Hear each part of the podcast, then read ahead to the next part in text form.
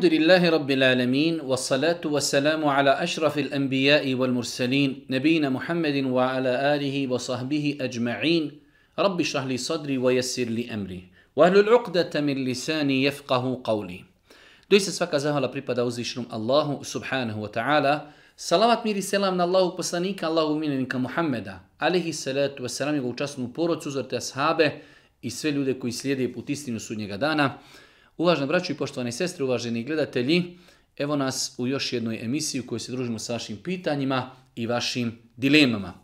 Ovo je naša 70. možemo kazati i jubilarna emisija u kojoj, elhamdulillahi rabbil alemin, pokušavamo u što većem broju da odgovorimo na vaša pitanja i dileme koje stižu na našu email adresu. Prvo pitanje, uvaženi Pejeziću pratim vaše objave i ima se svašta pametno pročitati. Ali sad sam naletila na tekst gdje piše da treba imati troje ili četvero djeci, a kako se mi osjećamo koji ne možemo imati djecu? Duša boli svaki dan, baš me razočaralo, mogli ste to blaži napisati. Znači imamo kritiku, jer sam ja neki dan napisao da svaki bošnjak bi trebao da ima troje ili četvero djeci, da ih odškoluje, da ih poduči islamu, i ako Bog da dugoročno gledajući mi smo pobjednici. Ne mogu da vjerujem, ali baš ne mogu da vjerujem da se neko može osjetiti prozvanim ako nije u stanju da ima djecu. Zamislite hadise Božih poslanika se letu selam kojeg su općeg karaktera koji u datom momentu ako e, imamo hadis gdje Boži poslanik govori da se ne jede lijevom rukom, šta će čovjek koji nema desnu ruku? Da li će on kazati uvrijedio me Božji poslanik zato što ja nemam desnu ruku, ja moram jesti lijevom rukom. Allah Đelšanu u Kur'anu nam kaže on daje mušku djecu kom je hoće, daje žensku djecu kom je hoće, daje i mušku i žensku kom je hoće, a ostavlja bez poroda koga on hoće. Pa da li je uvreda ako mi kažemo trebamo ljudi da pazimo eh, na, na potomstvo, da pazimo na eh, priraštaj i tako dalje, znači da pazimo na buduće generacije. Treba svaki bošnjak da ima e, troje ili četvero djeci, svakako e, sa imalo e, respekta jedni prema drugima da se to odnosi na ljude koji mogu da imaju djecu. Niko, ni jedan posto nije ciljao, pomislio da nekog uvrijedi i da se neko nađe prozvan. Suosjećamo se sa svim ljudima koji ne mogu da imaju djecu, ali a ako bi na taj način gledali propise i ako bi na taj način, sutra ćemo govoriti o postu, neko će se javiti i kaži ti govoriš o postu i vrijednosti posta, a ja ne mogu posti, ja sam bolestan. Sutra ćemo govoriti o odlasku na umru, čovjek će kazati a ja sam siromašan i ne mogu naići na umru, što govoriš, ja sam prozvan. Sutra ćemo govoriti o hađu, sutra ćemo govoriti o zekijatu, čovjek će kazati ja nemam da izdam zekat, ti si mene povrijedio. A ljudi ne možemo, ne možemo tako razumijevati govor u Allahu i subhanahu wa ta'ala vjeri.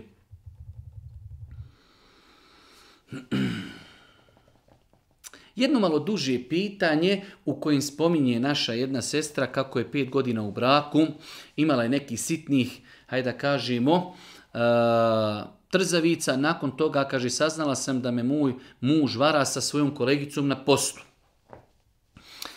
E, nakon toga, kaže, muž je otišao, ostavio nju i dijete kod kuće, ali ono što piše na kraju kaže, e, on je otišao, hvala Bogu, nemam nikakav kontakt sa njim, osim oko djeteta, jako sam loše. Ne mogu da vjerujem šta mi je uradio. Vjerujem da je ovo iskušenje od Allaha, ali samo plaćem i nikako ne mogu da spavam. Koje dove da učim, mislim da ću poludjeti. Ja sam zbog toga e, uzeo ovo pitanje da odgovorimo e, da ne smijemo doživljavati Allahov kader i sudbinu na ovakav način. Nikako ne podržavamo ni e, odobravamo to što je neko prevario svoju suprugu. To je gnusno, to je katastrofa. Ali desilo se.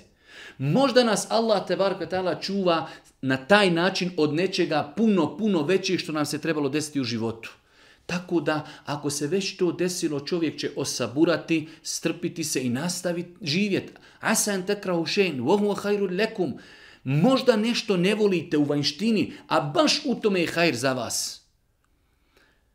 Da ne govori možda insan e, da nije tog čina bilo, možda ne bi počeo da, možda žena ne počela da nosi hijđa, možda ne počela da klanja, možda ne počela da dovi, možda to bude razlogom da se vrati vjeri, možda sutra nađi čovjeka vjernika s kojim će ako Bog da zarati džennet, a možda da je ostala u tom prvom braku, možda bi ne daj Bože otišla u džehennem. Ne smijemo na takav skučen način gledati na situaciju. Svakako razlog braka svakome je teško pada, prevara teško pada, ali doći na situaciju da samo plaćemo, da se E, razmišljamo da ćemo se ubiti. Zbog čega? Zbog nekoga ko nas je prevario, zbog nekoga ko nas je napustio, zbog nekoga ko je otišao. On ne zaslužuje nikakvu pažnju. Treba u datom momentu, iako je teško, da budemo veseli. Prevarant, otišao, napustio nas, završeno. Hvala uzvišom Allahu koji nas je sačuvao od takvog insana i nastavljamo živjeti svojim normalnim životom. Tako da, e, e, ako se već desi nešto što ne volimo, ne smijemo to uzimati toliko grubo i kruto da paralizujemo sebe i svoj život i svoje zdravlje i svoju porodicu zbog nekoga ko nas je prevario u životu. Apsolutno ne. Nastaviti kroz život čestito, moralno, pošteno, kada dođe vrijeme, ako bude e, za toga prilike, i stupiti ponovo u drugi brak i udati se i nastaviti živjeti kao da se nije ništa desilo.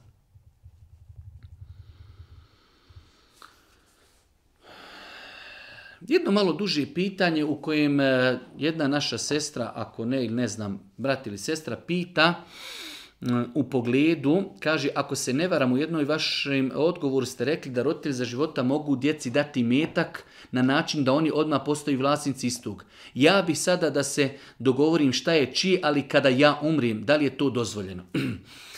znači, pitanje je u pogledu podjeli miraza. Mi jesmo kazali i to i dalje stojimo iza toga da osoba koja se boji da djeca nakon smrti neće ispravno podijeliti miraz ili da će se, ne daj Bože, posaditi oko miraza, čovjek ima pravo za života da podijeli svoju imovinu i da je prepiše svoje djeci da oni postanu vlasnici. Svakako, e, kao što kaže dio učenjaka, ako se radi o većim E, znači svotama i o većem imetku onda treba sodno kao što je e, znači mirazu islamu kao što je mirazu islamu žene znači e, čerke tog čovjeka dobivaju uvijek pola kao muškarci i tako čovjek i treba da podijeli svoju imovinu svojim sinovima i svojim čerima, muškarcima, svojim sinovima daje duplo više od žena i od njegovih čeri i oni postaju vlasnici za njegovog života. To je u islamu poklon. Poklon postaje naši vlasnici onog momenta kada ga mi preuzmimo. Tako da svojoj djeci podijelimo i metak, oni postaju vlasnici i mi smo završili. Ne možemo mi njima reći, e ovako ćete podijeliti i mi kada umrijemo, ne. Kada se umri, dijeli se onako kako je gospodar zemlje i nebesa odredio. Prebroji se nasljednici, ima li još neko uz djecu da ulazi, može se desiti. Mi, nažalost, veoma malo i govorimo i veoma slabo se zna o nasljednom pravu. Pogledaju se ko su nasljednici koji ulazi u kategoriju nasljednika i zna se kom je koliko po Kur'anu dolazi u nasljedstvo. Tako da ne možemo mi, mi možemo u granici jedne trećine ostaviti vasijet. je ko nije nasljednik. Vasijet može biti nekome ko nije nasljednik. Mi ne možemo ostaviti u asijet kako će se dijeliti nakon naše smrti. Nakon smrti to se zove miraz i dijeli se onako kako ga je uzvišeni Allah naredio. Greška je, mnogo grešaka ima u našem podneblju kada se dijeli samo muškarcima i greška je dijeliti i muškarcima i ženama isto. Znači to je greška, to je jasan kuranski ajet da kad su u pitanju samo djeca, muška djeca dobivaju duplo više od ženski djeci. U svakom slučaju, znači a ako insan želi za svoga života da podijeli metak, onda će ga podijeliti i da djeca postanu vlasnici za, znači, dok je još insan živ. Ako smo rekli, ako je veća imovina u pitanju, onda treba dijeliti na način da muškarcima, svojim sinovima daje duplo više od E, kćeri, pošto se one udaju, imaći svoje muževe koji će ih izdržavati i nemaju veliku potrebu kao što imaju sinovi koji moraju zasnivati porodice, ženiti se, praviti kuće i tako dalje. To je jasan kuranski propis. E, ako se desi čovjek nije podijelio imetak, umro je, onda se dijeli onako kako je to Kur'an definisao. Evo još jedno slično pitanje, nije mi jasno kada sam slušala vaše jučerašnje odgovore, e, rekli ste ako muž umre, ženi ostaje osmina ili četvrtina. Kod nas je uobičajeno da žena sve naslijedi, pa kada ona umre, onda djeca se svađaju, nažalost, i tako dalje. Da, ovo je znači kuranski propis žena u islamu, žena od ako je čovjek umro, imao je ženu, ona ima samo dvije opcije u islamu. Ili nasljeđuje četvrtinu ili nasljeđuje osminu nasljeđuje četvrtinu ako taj čovjek nije imao djeci. Nikako, onda uzima četvrtinu, uzima viši. Ako je imao djecu, makar jedno dijete, ona uzima osminu. Ostalo se dijeli na ostali nasljednike. To je jasno, kao što je došlo u suri En-Nisa, jasan kuranski propis, žena u islamu, žena čovjek je umru, ostavio za sebe suprugu, supruga, ako taj njen muž ima djecu, ona uzima osminu. Ako nema djecu, uzima četvrtinu. To što je praksa kod nas da žena uzima sve ili ne uzima ništa, sve su to neispravne stvari od kojih treba bježati jer je u mnogim takvim situacijama mnogo zuluma i mnogo nepravdi. U predavanju 67, emisija 67, ovo je sada 70. emisija, u 67. emisiji rekli ste da je ajet sure El Beqara derogiran. Znači imali smo jedno tamo pitanje kada je e, bilo pitanje da čovjek treba nakon smrti da ostavi vasijet da njegovoj ženi e, se isplati e, i da joj se da e, njezina potrebština za godinu dana. Pa smo kazali da je taj ajet iz sure En-Nisa po mišljenju velikog broja islamskog učenjaka derogiran sa ajetima o pričeku, da žena znači nakon smrti ima priček 4 mjeseca i 10 dana, a ne godinu dana, i da je definisan ajetima o nasljednom pravu. Tako da, taj ajet je derogiran. Pa nam kaže čovjek, kako je moguće derogirati ajet i na koji način ste mislili derogiran? Jer s tim se može e, jer s tim se može misliti da se neki dio Kur'ana ne prihvata, odnosno poništava.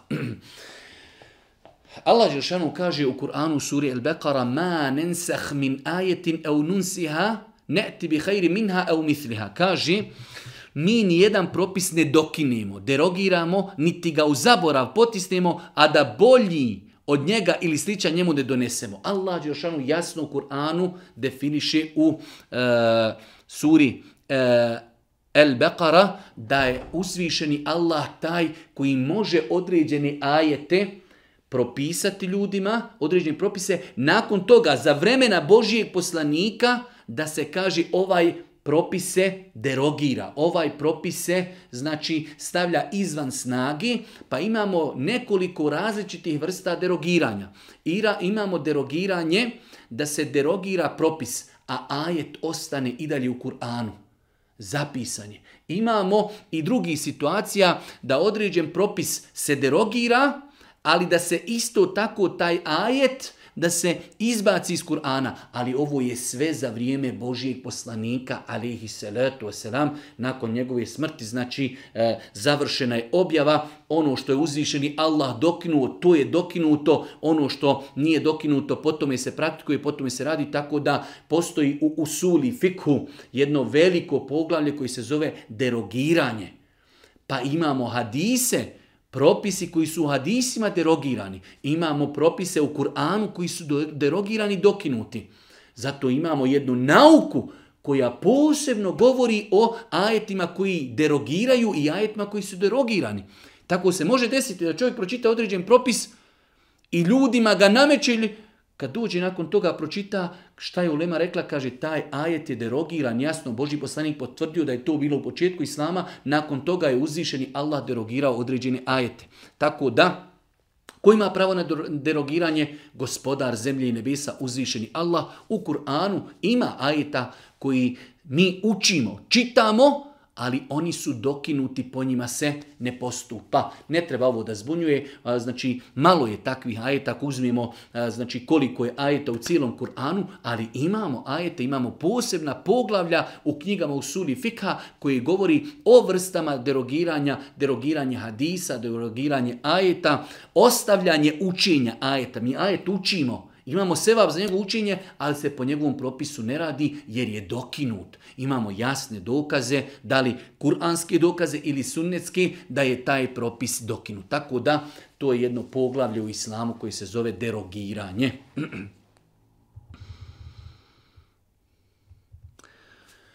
Noćas nas je baš krenulo šesto pitanje. Htio vas pitati vezano u aktualna tema izbori. Sinoć sam ušao s jednim bratom u razgovor. Kaže mi da je haram izaći na izbore glasati i da smatra svakog onoga koji izađe na glasanje nevjernikom. Upitao sam ga je li u tu kategoriju stavljaš i brata koji je nedavno preselio e, Muamera Zukorlića, koji je toliko toga dobrog ostavio za sebe, škole, univerzitete, narodne kuhnje, kaže i njega jer nije smio u to ulaziti, učestvati u ovom sistemu i tako dalje.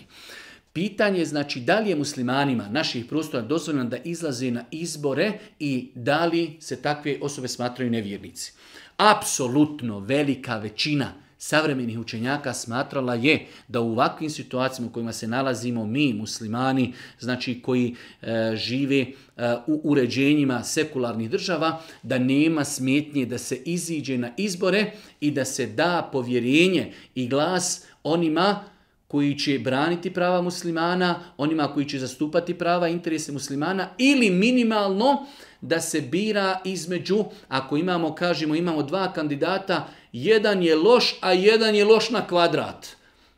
Pa nam je u interesu da bude onaj koji je manje loš. I tada je muslimanima dozvoljeno da izađu izbore. Čak u nekim situacijama Šehu Sejmin Rahmetullahi Alehi pošto je on doživio e, period u kojem znači, su ova pitanja bila aktualna, on kaže može biti ljudima i vađib da izađu na izbore, ako je u pitanju e, situacija da imamo čovjeka koji je izuzetno loš i imamo čovjeka koji je izuzetno dobar i zastupat će prava muslimana i e, borit će se za njihova prava i tako dalje, može biti vađiv da se takva osoba podrži. Tako da, E, znači apsolutna većina savremenih učinjaka smatrali u današnje vrijeme da e, je dozvoljeno muslimanima naših prostora u situacijama u kojima se nalazimo, ako njihov izlazak na izbore može uticati na promjenu izbora, a može, onda im je dozvoljeno da izađu na izbore. S druge strane, e, ta omladina koja tekfiri i nevjernicima proglašava ljude koji su izašli na izbore, ne povode se u tim pitanjima za ulemu od koje su čuli takve stavove. Jer je neispravno, znači ima učenjaka, mali broj učenjaka koji su smatrali da je neispravno izaći na izbore, ali ti učenjaci, njih upitajte, jesu li nevjernici oni koji izađu, oni će vam kazati nisu nevjernici. Jedno je spomenuti opći propis, a jedno je spomenuti da je jedin kao islamu nemusliman i kafir.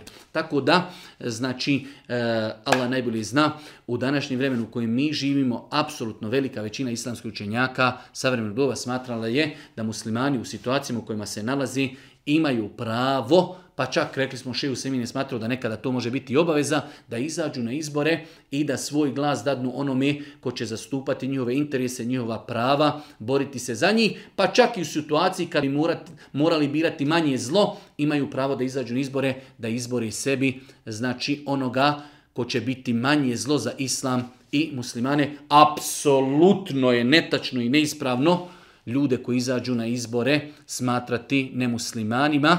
Znači čovjek može smatrati za sebe da mu je haram izaći, ali osoba druga koja ide na izbore smatra da je to dozvoljeno, a pod najgoroj verziji ta osoba se ne može proglašavati nevjernikom zato što ima tevil. Ona ima svoj pristup tom pitanju. Većina autoriteta savremenog doba je to dozvolila. Ljudi slijede autoritete, slušaju lemu i rade po onome što je lema rekla, tako da to pitanje jedno od pitanja iđtihada, a u pogledanju pitanja iđtihada neispravno je jedin, jedinke i pojedince tekfiriti. Da li su poljoprivredni poticaji koji se dobijaju od države haram ili ne? Država daje poticaje poljoprivrednicima. Je to dozvoljeno uzeti ili ne? Apsolutno da. Dozvoljeno uzeti ako ispunjavamo uvjete. U većini slučajeva država kada daje poticaj u bilo kojem sektoru postavi uvjete. Ako mi ispunjavamo uvjete, to je nama halal i dozvoljno uzeti. Znači, nerijetko se zna desi da država daje određene poticaje, da ne govorimo o socijalna pomoć ili ovo ili ono, i ljudi ne ispunjavaju uvjete, a uzimaju takve, takve pomoći, to je neispravno. Država se obavezala, želi da pomogne poljoprivrednike, ali pod uvjetima 1, 2, 3, 4, 5 koji ispunjava te uvjete, on ima pravo da uzme taj novac, ima pravo da uzme taj novac. Ako ne ispunjava uvjete, nije mu dozvoljeno slagati, lažno se predstaviti samo da bi dobio taj poticaj.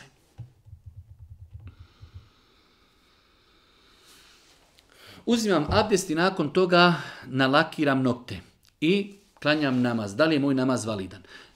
E, mi smo više puta kazali da nije ispravan abdest ako žena abdesti u periodu kada ima lak na noktima. Ali žena abdestila, nakon toga nalakirala nokte i klanja. Nema nikakve smetnje, njih namaz je validan. Znači razlika je abdestiti mi na la, noktima imamo lak. Takav abdest nije validan jer sprečava dolazak vodi. Pogledajte do koliko mjesta voda nije došla. Imamo deset prsta na rukama i deset na nogama. Znači, to bi već kad bi spojili te sve nokte, to bi bila velika, velika, znači dio ljudskog tijela do kojeg nije došla voda. Zato su islamski činjaci kazali nije ispravan abdest ženi koja abdesti a ima nalakirane nokte. Samim tim nije joj ispravan namaz koji je klanjala sa takvim abdestom. Ali, ovo je drugo pitanje. Žena abdestila, uzela potpunju abdest, sada sebi nalakira nokte i klanja. E, šta je problem? Ona će morati za sljedeći namaz opet da ukloni, da skloni sa svojih nokata lak i da ponovo abdesti.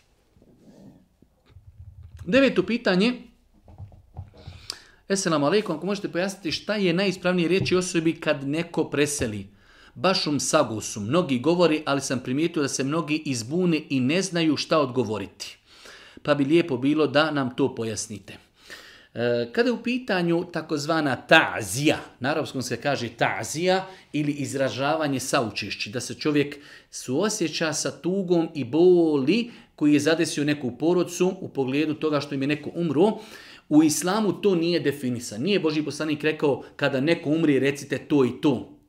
Već, znači imaju određeni hadisi e, iz kojih se indirektno može shvatiti šta se kaže kada nekome neko umri. Tako da na bilo koji način da čovjek izrazi svoje saučešće, inšala, s aspekta Islama je ispravno postupio. E sada, e, ne treba ljude dovoditi u nezgodnu poziciju da ne znaju šta će odgovoriti. Da, ovo što je čovjek ovdje spomenuo, dosta puta se desi da ljudi kažu bašom sagosom i čovjek zapni ne zna šta da kaže. Iako postoji, znači to su turske riječi, turske riječi e, koje smo mi preuzeli i eto u jednom momentu se one nametnule skoro pa kao vid e, neki jedini način izražavanja saučešća, po, po, po, ovoj verziji treba odgovoriti dostom sagusum. Dostom sagosum, Kada neko kaže bašom sagosum, čovjek treba odgovoriti dostom sagosum, ali isto tako nije to obaveza.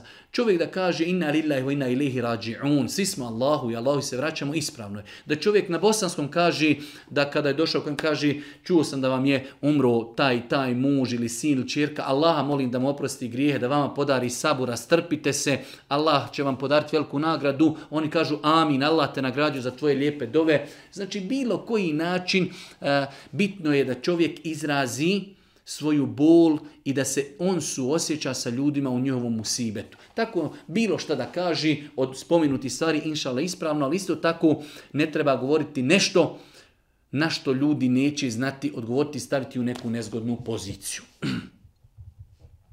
da li je dozvoljeno klanjati bez donjeg veša? Kao slučaj kada čovjek nosi hlače ili trenirku, ali nema ispod, znači nema donji veš. E, bitno je da čovjek ako klanja, ne klanja u prozirnoj odjeći. To je najbitnija stvar. Za vrijeme Božeg poslanika, ali se letu selam, nije bilo do njih vešova, tako da e, ne može se kazati da je obaveza nositi donji veš da bi naš namaz bio ispravan, tako da ono što možemo kazati jeste da je obaveza pokriti avrete odjećom koja nije prozirna i koja nije uska da oslikava avret. A na bilo koji način da mi to postignemo, da li ćemo obući trener, obući hlače, da li ćemo, e, znači, e, ne znam, nija na bilo koji neki drugi način, nama je bitno da pokrijemo avrete odjećom koja nije tijesna i odjećom koja nije prozirna. Tako da nema smetnje da se klanja, znači samo čovjek obuče hlače i tako klanja bez da ima donji veš, donji veš ispod hlača. 11. pitanje želim pitati da li je dozvoljeno brak sa drugom vjerom. Djevojka je Hrvatica, katolik. Nešto sam čitao po Gogli, ali je komplikovano. E, u svakom slučaju, e, nekoliko puta smo odgovarali na ovo pitanje, ali zbog njegove bitnosti ove teme ponekad odgovorimo ponovo na ovo pitanje. E, kada je u pitanju islam, islam je dozvolio da se ožene dvije vrste nemuslimana, Kur'an ih naziva Ehlul Kitab – kršćani i židovi. Znači muslimanima je dozvoljeno da oženi kršćanku ili židovkinju pod uvjetom da su čestite i moralne. Znači da jednostavno to djevojka iz lijepe porodce, da nije činila blud, da nije činila nemoral, u takvoj situaciji muslimanu je dozvoljeno da je oženi i ne mora, ona nije uvjeta da mora prihvatiti islam. Ali su islamski učenjaci sve to spomenuli, iako je to dopušteno i halal, da je to bolje izbjegavati. Ali ako neko se oženio, njegov brak je validan. Svakako, prilikom stupanja u brak moraju se ispuniti svi uvjeti kao da ženi muslimanku. To moramo znati. E, zašto nije pohvalno ženiti e, ženu koja nije muslimanka? Zbog mnogih praktičnih problema. Pa ćemo vidjeti, sutra će čovjek, na primjer, dobiti djecu. Žena možda hoće da se nadjenu imena koja su e, kršćanska, čovjek hoće muslimanska. Sutra djeca odrastaju, ko će ih podučiti bismili, fatihi, odlasku u džamiju. Ta žena nije, ne zna ona kako će djecu podučiti. Možda će ta žena sutra insistirati da ta djeca jedu svinjetinu a čovjek musliman ne da da djeca jedu svinjetinu. Možda ta žena, e, čovjek je ljubomoran, ne želi da nosi hijab jer nije muslimanka, a čovjek je ljubomoran, ne želi da ona izlazi otkrivena iz kući. Sutra ona kaže ja želim da idem na more, on kaže ja ne želim zato što je to nama muslimanima zabranjeno. Sutra će ona kazati ja idem e, da kod svojih roditelja obilježim određen praznik, on će kazati nama muslimanima je zabranjeno da učestvujem u tom i ja te neću vozit. I mnogo, mnogo, mnogo problema može e, biti praktičnih u situaciji kada čovjek oženi nemuslimanku. Tako da, Islam je to dozvolio pod uvjetom da je žena moralna i čestita, ali je to bolje ne činiti.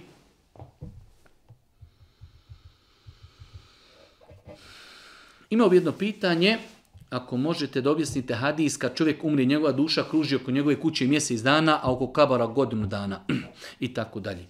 Eh, Allah najbolje zna, ovo nije vjerodostojen hadis, samim tim ga ne treba ni pojašnjavati. Imamo vjerodostojne hadise, a najpoznatiji hadis je od Bera ibn Azbe, kojeg bilježi imam Ahmed, onaj duži hadis u kojem se detaljno govori kako meleki uzimaju dušu vjernika, kako uzimaju dušu nevjernika, kako duša vjernika ide do, do, do, do sedmog neba, kako se vraća ponovo uh, u, u tijelo i kako meleki postavljaju pitanja čovjeku ko ti je gospodar, koja ti je vjera, ko ti je poslanik. Isto tako uh, kako se kažnjava vjernik, uh, kako dolazi do prvog neba, ne otvaraju mu se vrata, upisuju ga u knjigu znači Sidžina i nakon toga isto tako biva podvrgnut pitanjima u kaburu, tako da tvrditi da duša kruži oko kabura mjesec, oko kući mjesec dana, oko kabura godinu dana, to je e, neispravno u suprotnosti sa autentičnim i vjerodostojnim hadisma, tako da nema potrebe i da se tumači.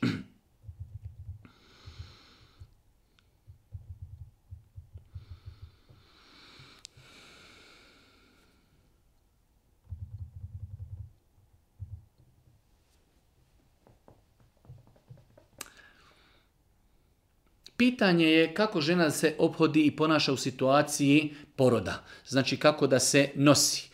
E, svakako da žena treba maksimalno se potrudi da traži svoja prava i da bude pokrivena.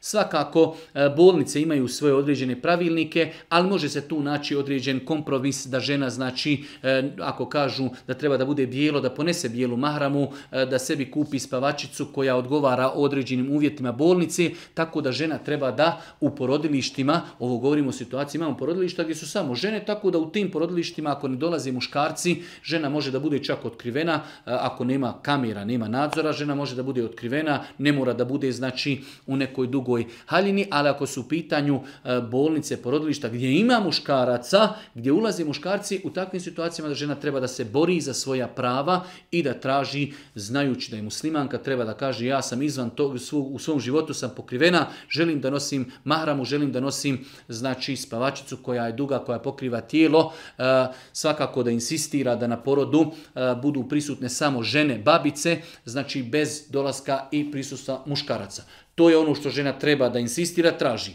E sada u vanrednim situacijama, e, da li nekada se situacije mogu zakomplicirati, nema specijalisti ženi babici, da nekada mora e, da interveniši muškarac, to su vanredne situacije, a vanredne situacije znači iziskuju i vanredna, vanredne propise i vanredne fetve. Ali generalno gledajući žena treba da insistira ako su to znači odjeli gdje dolaze muškarci, da nosi mahramu i da nosi spavačicu koja pokriva e, znači avrete. E, isto tako da insistira da je porađa babica, babica, a ne muškarac, a u tim nekim, ne daj Bože, komplikacijama, pošto se često dešava da u bolnicama ili na odjelima nema specijaliste doktorice, već su to muškarci, ali to su znači vanredne situacije u kojima važi vanredni i propisi. Zanima me da li se treba ponavljati za imamom kada se vraćamo sa rukua, kada imam kaže semi Allahu limen hamideh. Znači, da li je propisano? Mi klanjamo za imamom i e, Efendija kaže, kada smo bili na ruku, semi Allahu li men hamide, mi kažemo Rabbena hamd. Dobro, da li mi trebamo kazati isto semi Allahu li men hamide? Velik broj ljudi će se začuditi, pa zar ima takvo pitanje? Da, ima takvo pitanje. E, šafijski mezheb, zahirijski mezheb, e, znači bukvalička pravna škola, pa čak i imam Ebu Jusuf iz Hanefijske pravne škole smatrao je da čovjek kad klanja u džematu, kada se vraća sa rukua, i on će kao džematlija kazati se mi Allahu limen hamide. Tako da ja lično sam stava da treba kazati, ali je teško obavezati ljude time, pogotovo što džumhur islamskoj činjaka je smatrao da čovjek kada klanja u džematu, kada su na ruku hođa kaže se mi Allahu limen hamide, čovjek će samo kazati Rabbena velike hamd. To je stav džumhura islamskoj činjaka, većini islamskoj činjaka, ali znači stav imama Šafije, je, Zahirijske pravne škole, Ebu Jusufa i Hanefijske pravne škole su stava bili da treba čak i džematlja, znači muktedija, da i on kaže semi Allahu limen hamide, a nakon toga da kaže rabina velekel hamd. Znači jedno od pitanja u, kojim, u pogledu kojeg postoji jako razilaženje, velik broj ljudi ne poznaje e, znači da postoji razilaženje u pogledu ovoga, ljudi odrastaju, naučeni su tako da se samo kaže rabina velekel hamd i inšala njihov namaz je kao takav validan. Ja lično sam stava da treba kazati semi Allahu limen hamide i kada klanjamo i za imamom.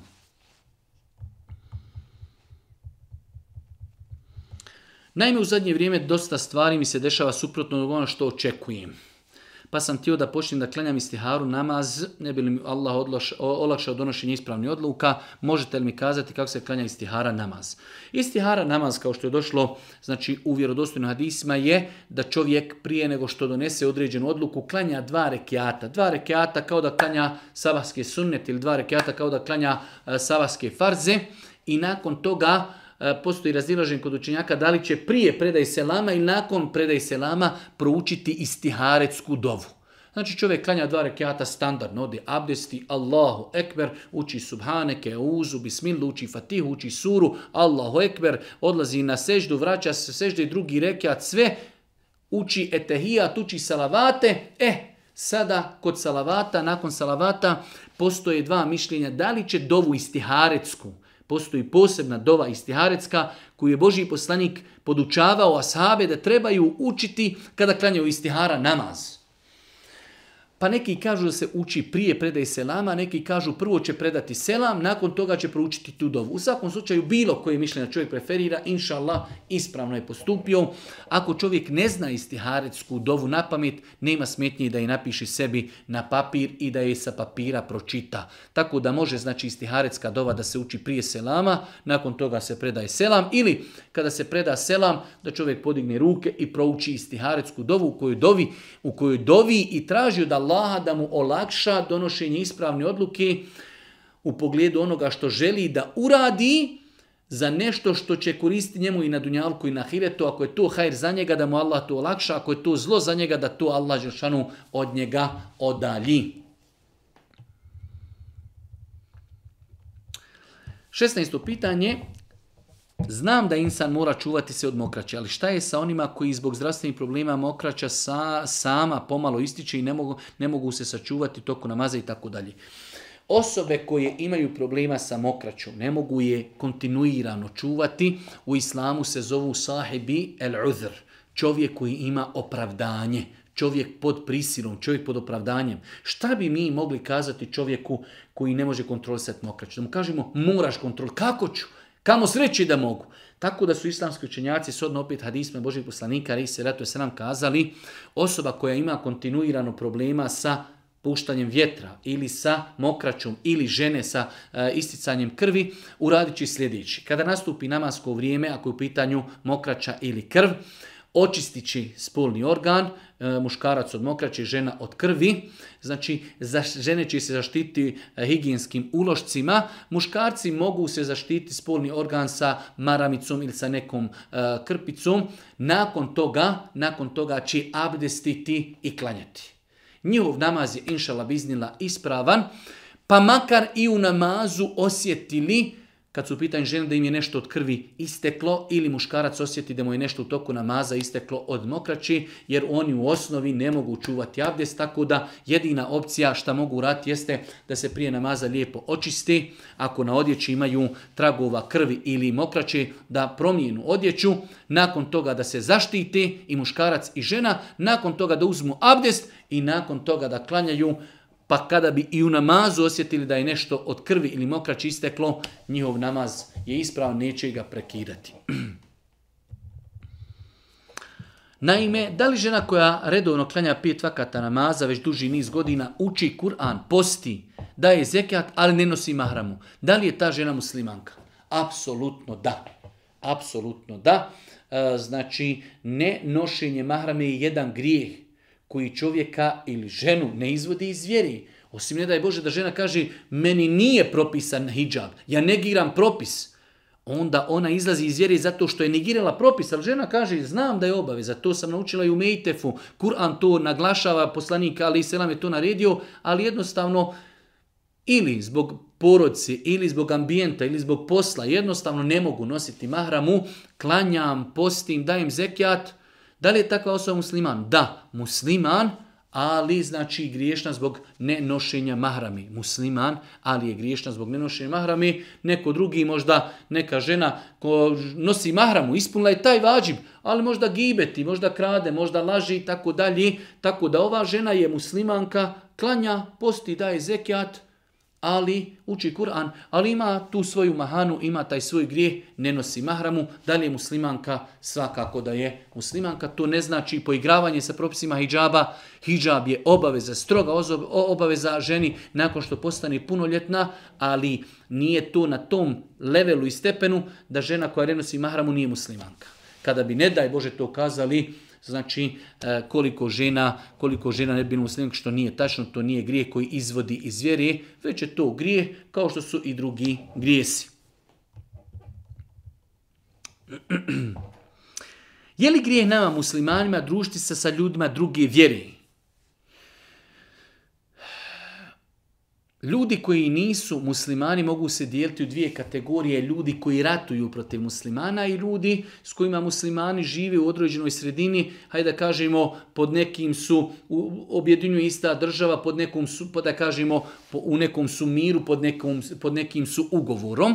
Nema smetnje da se čovjek druži sa nemuslimanima nema smetnje se čovjek druži sa nemuslimanima, da sa njima razgovara, da popije sa njima kahvu, da sa njima učestvuje u, ne znam, nija u nekim sportskim aktivnostima, humanitarnim aktivnostima i tako dalje, sve dok to ne ide na uštrb njegove vjeri, sve dok to ne vrijeđa njegovu vjeru, sve dok se ne boji da će e, zbog toga morati činiti nešto što je zanimljivo, što imate ljudi koji ako sjedi sa nemuslimanima čuje ezan, on neće da ode na namaz ili ako mu neko nazove selam, stidi se e, odgovoriti na selam i tako dalje. E to je sporno ali družiti se, popiti kavu, e, znači, e, ne znam, nija, e, učiti neku nauku sa osobom koja nije musliman, studirati zajedno sa njim, nije to sporno. Allah Žešanu kaže, la jenhakumullahu, ani ladina lam yuqatilukum an tabarruhum wa tuqsitu ilayhim inna Allaha yuhibbul muqsitin Allah vam ne zabranjuje da oni koji se ne bore protiv vas znači nisu ratoborni ne bore se žive samo u istoj sredini da im činite dobročinstvo. Ente barrum, se to ilim, da budete pravedni prema njima. Allah voli oni koji su pravedni. Pravedni, tako da iz života Božih poslanika možemo vidjeti da je obilazio nemuslimane, da je e, bio dobar komšija prema njima, da ih je pomagao i tako dalje. To su različiti konteksti iz kojih vidimo da se Boži poslanik na najljepši način obhodio prema nemuslimanima koji nisu bili ratoborni prema Božim poslaniku, odnosno koji nisu ratoborni prema muslimanima. Moj muž je ubijeđen da živjeti po islamskim propisima gdje se ne smije ići na plažu, na bazin, gdje se ne smije usamljivati sa ženama ili rukovati sa ženama, da je to pretjerivanje i da je to novotarija. Kako da se opodim prema takvom čovjeku? E, sve spomenute stvari sastavni su dio vjere. znači da muslimanima je zabranjeno da idu na e, plaže i da idu na bazene gdje se zajedno kupaju muškarci i žene, apsolutno je znači to zabranjeno. Isto tako zabranjeno samljivati se sa ženama, zabranjeno je se rukovati sa ženama kojima čovjek nije mahrem. E sada, to neko nije poznavao pa smatra da je to novotarija ili smatra da je to pretjerivanje, to je pokazatelj njegovog neznanja. A kada imam osobu koja je, e, ima neznanje, rješenje je podučiti insana. Tako da, kako se opotiti s takvim ljudima, treba graditi takvu ličnost. Prvenstveno, insan treba da se izgradi da vjeruje čvrsto u Allaha i da vjeruje u ostale imanske šarte. Da vjeruje u temelje nakon toga da vjeruje u pet temelja Islama, da dođe na level, da dođe na nivo, da on vjeru prihvata kroz dokaz. Pa kada mu sutra kažemo to je zabranjeno, zašto? Zbog 1, 2, 3, koji je rekao, rekao islamski učenjak i tako dalje. Tako da insana treba odgajati i treba ga podučavati. Kako se podučava? Pojašnjavanjem propisa, kako se odgaja, opet znači kroz Kur'an, kroz sunnet, kroz savjet, kroz kritiku, kroz knjige, kroz predavanja i tako dalje. Tako da rješenje je, e, ne treba se mnogo raspravljati, ne treba se mnogo raspravljati jer taj insan nije na stepenu da se sa njim može raspravljati, ali lijepo pojasniti govor učenjaka, pogotovo ako se može naći govor iz hanefijskog mezheba, jer je to nešto što je opće prihvatljivo kod našeg nareda, ili da se nađe fetva koju je potpisao Fetva Emin na stranici islamske zajednice, kaže evo vidi šta kaže Fetva El Emin u pogledu tog pitanja i tako dalje. Tako da su to neki načini metode kako nekoga ubijediti u ispravnost određenog stava.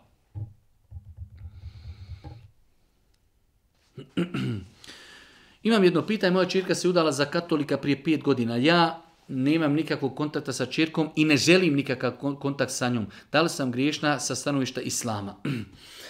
Odgovarali smo više puta na ovakva pitanja. U svakom slučaju, e, generalno e, rekli smo da postoje dvije opcije. Postoji opcija da čovjek ako misli da će bojkot tog njegovog djeteta uroditi plodom, nema smetnje da ga u datom momentu bojkotuju. Kao što je Boži poslanik Ali Selatu Selam bojkotovao 50 dana save koji nisu e, se odazvali njegovoj naredbi da idu u bitku i u pohod na Tebuku. Pa su i 50 dana bojkotovali. Pa su islamski učenjaci kazali na osnovu tog događaja da u datom momentu kada neko pogriješi, ako će ga naš bojkot mi ga bojkotujemo, sa njim ne pričamo, sa njim nema nikakav kontakt. Ako će ga to popraviti, onda je to i propisano. Danas, u današnjem vremenu, u većini slučajeva ljude bojkot ne popravlja. U većini su. Dok je ta osoba krenula tim putem, ona da je tijela, da je interesuje šta će njeni roditelji reći, ona bi njih poslušala i pitala. Ona je to uradila bez da pita i da je interesuje šta će njeni roditelji reći. U takvom slučaju, Allah najbolje zna, ostaje opcija da čovjek ima neki kontakt, da s vremena na vrijeme ona dođe kod roditelja, da je savjetuju, da je da kažu nije dobro, to je haram, udati se za nemuslimana je haram, svaki intimni kontakt je zinaluk, blud, ili da taj čovjek, da sa njim razgovaraš o islamu, pa da primi islam, ili da se rastavi, iako neispravno reći rastavi, jer taj brak u osnovi je neispravan batil. Molim vas da iznesete stav o zloupotrebi antidepresiva, te ovisnosti o istima. Sve široj pojavi među današnjim muslimanima ovog vremena. Antidepresivi u osnovi u sebi sadrže određena opojna svojstva. Samim tim eh, oni se troši ako ima za njima potreba, ako ih je odobrio korištenje doktor, a isto tako u granicama potrebi. Znači, e, da, danas ljudi, i može se to provjeriti u apotekama, najviše šta uzimaju antidepresive, iako u osnovi e, dugoročno gledajući ti e, ljudi ne rješavaju problem. Ali u datom momentu rješenje je popij tabletu i da se malo opustiš i to je to. Ljudi ne žele da se nosi sa problemima, ljudi ne žele da rješavaju dugoročno svoje probleme. Jedan od najvećih problema jeste što su se udaljili od Boga, što ne praktikuju vjeru, što ne klanjaju, što ne znaju zašto su stvoreni, što ne vjeruju u kader, što ne vjeruju u sudbinu, nemaju samopouzdanja i tako dalje. I onda su ljudi depresivni, najkraju rješenje daj, Daj da popijem šaku tableta i to je to. Tako da, e, ako se piju antidepresivi, onda se piju u potrebi, piju se u saglasnost sa doktorom i piju se u granici. Jer u osnovi oni imaju u sebi određena svojstva koja su, hajde da kažemo, islamom i zabranjena i sporna. Tako da u islamu ako određenu stvar i e, uzimamo i konzumiramo koja je zabranjena, onda to svodimo na minimum. Možete li pojasniti šta znači riječ ili konstatacija jedina valuta na sudnjem danu su dobra djela? I nakon toga osoba pita, znači šta to znači jedina valuta na sudnjem danu su dobra djela. Pa na kraju kaže, citira, zar nije Boži poslanik, ali se ratu nam kazao, rekao je uzvišeni Allah, post je moj i ja za njega nagrađujem. Pa kao pitanje, da li će kada ljudi budu se međusobno izmirivali svoje račune, da li i post potpada pod to da primjer radi čovjek ranio zulum ljudima, ali imao je post. Da li će i taj njegov post otići drugim ljudima? Da. Jer je došlo u onom hadisu muflisa. Boži poslanik Ali se kaže, znate li ko je muflis? Kažu, ko je muflis? Muflis je onaj koji je poslovao pa bankrotirao. Ne, kaže Boži poslanik, muflis je, bankrot je insan koji dođe na sudnji dan, kaže, sa velikim dijelima. Pa kaže poslanik, dođe sa dijelima posta, i i hađa. Boži poslanik ovdje navodi post i kaže čovjek je došao sa postom, ali udario ovoga, opsovao onoga, potvorio onoga, ubio onoga. Pa će onaj udjeti njegovi dobri dijela, onaj dobri dijela, onaj dobri dijela, onaj dobri dijela, pa će i potrošiti njegova sva dobra dijela. A nije još izmirio račun, nakon toga će oni njemu dati svojih grijeha, pa će on biti bačen u vatru. Pa je ovdje baš poslanik pojasnio tu nejasnoću koju ima osoba koja pita, da će se i post potrošiti. To što Allah nagrađuje posebno za post ne isključuje ako nisi znao taj svoj post sačuvati, potrošit će ti ga drugi ljudi zato što će izmirivati svoja prava. 24. pitanje. Prilikom smrti jedne velike ličnosti, nemuslimana, nagla sam rekla na arapskom jeziku inna lillahi wa inna ilihi rađiun. Muž je na to burno reagirao i drsko je rekao da nikada nije da se to kaže u slučaju kada nevjernici umru. Da li je to ispravno? Znači, pitanje je da li je ispravno nama muslimanima kada čujemo da je neko umro nemusliman da reklimo inna lillahi wa inna rađiun. Šta znači inna lillahi wa inna ilihi rađiun? Inna lillahi wa inna rađiun znači svi smo mi Allahovi, svi se Allahu vraćamo. Šta je sporno u tome? Mi smo čuli, evo šta ja znam, nećemo da navodimo primjere, ali umro je neki velika, neka velika ličnost nemusliman. I čovjek kada je to musliman, čovjek kaže inna lillahi inna ilihi rađi'un. Ako čovjek time želi da kaže svi smo mi Allahovi, svi se vraćamo, možda je to bio veliki futbalir, veliki košarkaš, velika kraljica ili ovaj ili onaj, i na kraju, znači ja kažem, svi smo mi Allahovi, eto i on ode, a svi se i ja ću sutra umrijeti, nema u tome ništa sporno. Čak šeh bin Baz, rahmetullahi alihi, e, znači je spomenuo u svojim fetama, a svi znamo ko je bio ših Ibn Baz i koliko je bio predostrožan u pogledima vjeri, u pitanjima vjeri, da je odgovorio na pitanje da čovjek ako čuje za smrt nekog nemuslimana i kaže inna lillahi wa inna ilaihi rađiun, da to nije uopće sporno s aspekta islama. Znači, e, čovjek to govori u smislu i on je umro, i mi ćemo svi umrijeti kao što je on napustio Dunjaluk i mi ćemo, i ćemo umrijeti kao što je in umro. Ako se to govori u takvom kontekstu, inša Allah biznila, nema u tome ništa sporno.